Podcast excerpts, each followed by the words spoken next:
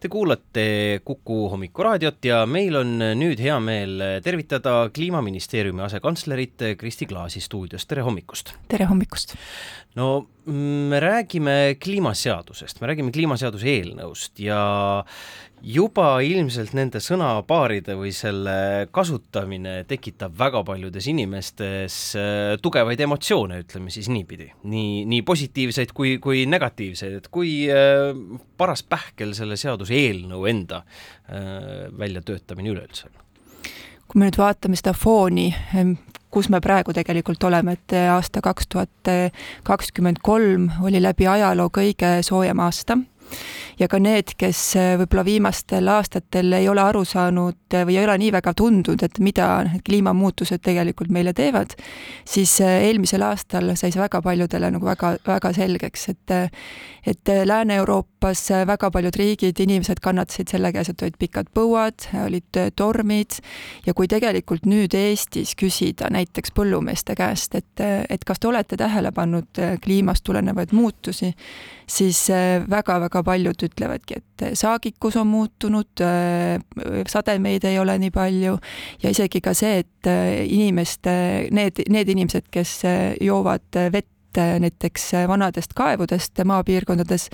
eh, on, on aru saanud, et see vee kvaliteet ei ole enam sama, et põudade tulemusena jõuab sinna igasuguseid aineid, mida ei peaks jõudma, nii et see foon tegelikult, ma arvan, viimastel aastatel on see, et saadakse aina enam aru, et midagi tuleb teha, et niisama need muutused üle ei lähe. ja, ja eks see Äh, see on ka ju see, et äh, meil põhiseaduse järgi on kohustus äh, oma loodust kaitsta ja, ja inimesi, inimesi, kes siin elavad, et, et selle jaoks seda seadust vaja on, et, et me nüüd väga sihiteadlike sammudega edasi astuksime, et kuidas nende kliimamuutustega võidelda. ja ma kujutan ette, et nii kui hakata neid ideid siis paberile panema, mida tuleb teha, kuidas tegelikult piirata meie elu praegust nii-öelda sellega, millega me harjunud oleme, siis hääled muutuvad. ja te, tuleb loodust kaitsta ja muidugi tuleb kliimaga, muutustega võidelda, aga, ja siis tuleb hunnikutes ja, ja, ja lademetes argumente, miks ikkagi nii ei saa, nagu äh, ministeerium on mõelnud no mis me algusest peale panime sihiks, et äh, see sea-, sinna seadusesse ei, keegi ei hakka kirja panema, mida ma ei tohi homsest päevast alates teha või et äh, või, või kuidas ma täpselt käituma pean, et seda sinna kindlasti ei tule. me pigem arutame seda, et kuidas soodustada just neid nii-öelda uusimaid tehnoloogiaid, vähem saastavamaid kütuseid, kuidas arendada ühistransporti, selleks et inimesed eelistaksid pigem sellega sõita. et tegelikult see seadus jah, pigem nagu vastab sellele, et kuidas seda üleminekut teha sellisel viisil, mis oleks Eestile kõige parem meil riigieelarve on hästi palju kriitikat kunagi saanud selle eest, et eesmärgipärane ta oli, aga täpseid meetmeid seal ei olnud, ma saan kliimaseaduse puhul aru, et seletuskirja ikkagi mingisugused meetmed vist tulevad, et kuidas siis saavutada neid, kas võiksite äkki mõne näite tuua või, või noh, kui kaugel see muidugi iseenesest ka on? võib-olla selline kõige, kõige selline parem näide tavaliselt on transporti puutuv, et eh, no mis Eestis on suureks väljakutseks, on see, et eh, autostumine meil iga aasta, aasta-aastalt ainult kasvab ja ka sealt tulenevad eh, nii-öelda heitmed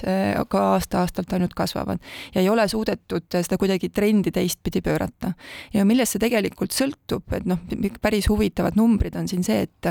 et kakskümmend viis protsenti kogu transpordikasutuse heitmetest tuleb Tallinnast ja viiskümmend protsenti tuleb Tallinnast ja Harjumaalt. ja seejuures äh, sõidetakse autoga keskmiselt kolm kilomeet-, kolmekilomeetriseid äh, vahemaid, mis väga selgelt näitab seda, et järelikult nii on kõige mugavam. Ähm, ja nüüd äh, nii-öelda lahendused siis tegelikult ühest küljest tulenevad sellest, et kuidas see ühistranspordisüsteem peaks olema arendatud nii, et ma eelistaks auto asemel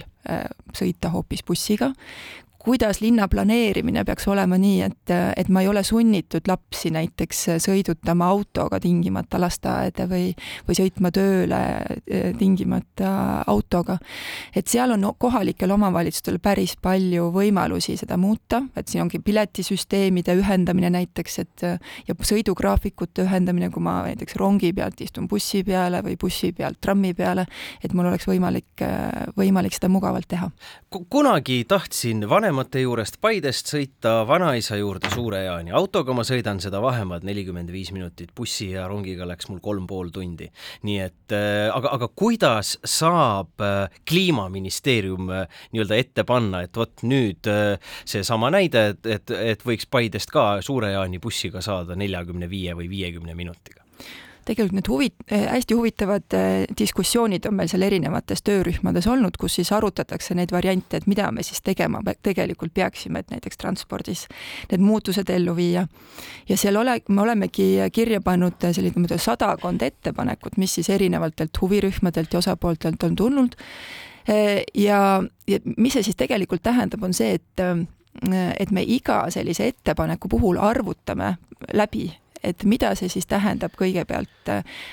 eelarvele, mida see tähendab CO2 vähendamise nii-öelda potentsiaali mõttes, kui palju ta CO2 vähendab, mis on tema sotsiaalmajanduslik mõju, äh, mis on tema elurikkusele mõju, kliimamuutustega kohanemisele mõju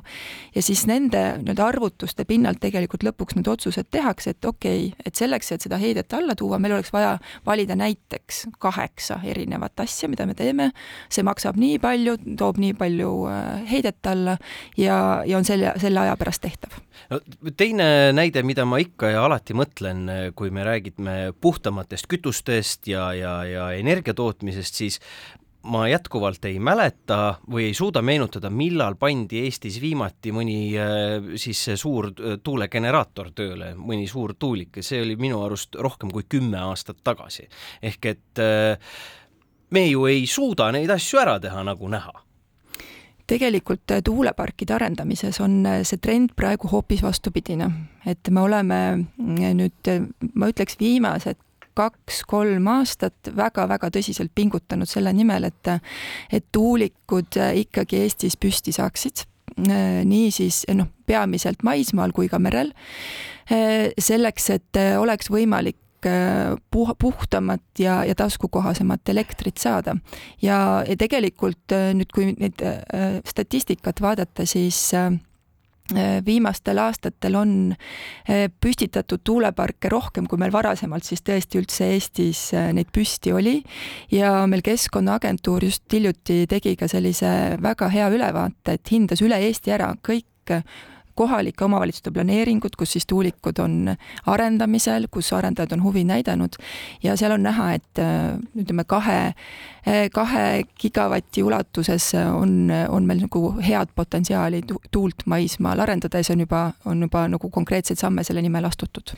inimene, kes kliimaseadusest suurt ei tea ja selle sisse äh, interneti otsingumootorisse paneb, siis seal ühe artiklina tuleb välja ka see, kuidas siis äh, meie kunagine äh, peaminister Juhan Parts seda kritiseerib selle tooniga, et et see kõik on ikkagi õigusriiki riivav ja et käsud ja keelud muudetaksegi siis lihtsalt seaduseks. ütleme nii, et väga kerge on selle artikli ohvriks küll sattuda nii-öelda ja otsida siit mingit vandenõud, aga mida te sellisele kriitikale vastaksite? noh, selles mõttes kliima ja võib-olla kogu rohepoliitika valdkond on olnud alati selline kus on väga vastakaid äh, arvamusi. ja mis seda võib-olla tekitanud, on see, et, äh, et kui varasematel aastatel on palju nagu seatud erinevaid eesmärke, et me peaksime näiteks kasvuhoonegaaside heidet vähendama mingi kindla arvu protsendi, siis vähem on räägitud tegelikult sellest, et mida see igapäevaelus inimestele tähendab, mida see ettevõtetele tähendab, mida see kohalikele omavalitsustele tähendab. ja kui ei saada aru ja kui ei teata, mis seal taga on, siis see tekitab ka tegelikult sellist äh, hirmu ja küsimusi, et mis see kliimaseaduse protsess, see väärtus kõige suurem seal ümber ongi tegelikult need arutelud. Et, et ma võin öelda seda, et noh, kordagi pole ükski osapool öelnud näiteks seda, et, et see, mille nimel me seda kliimaseadust teeme,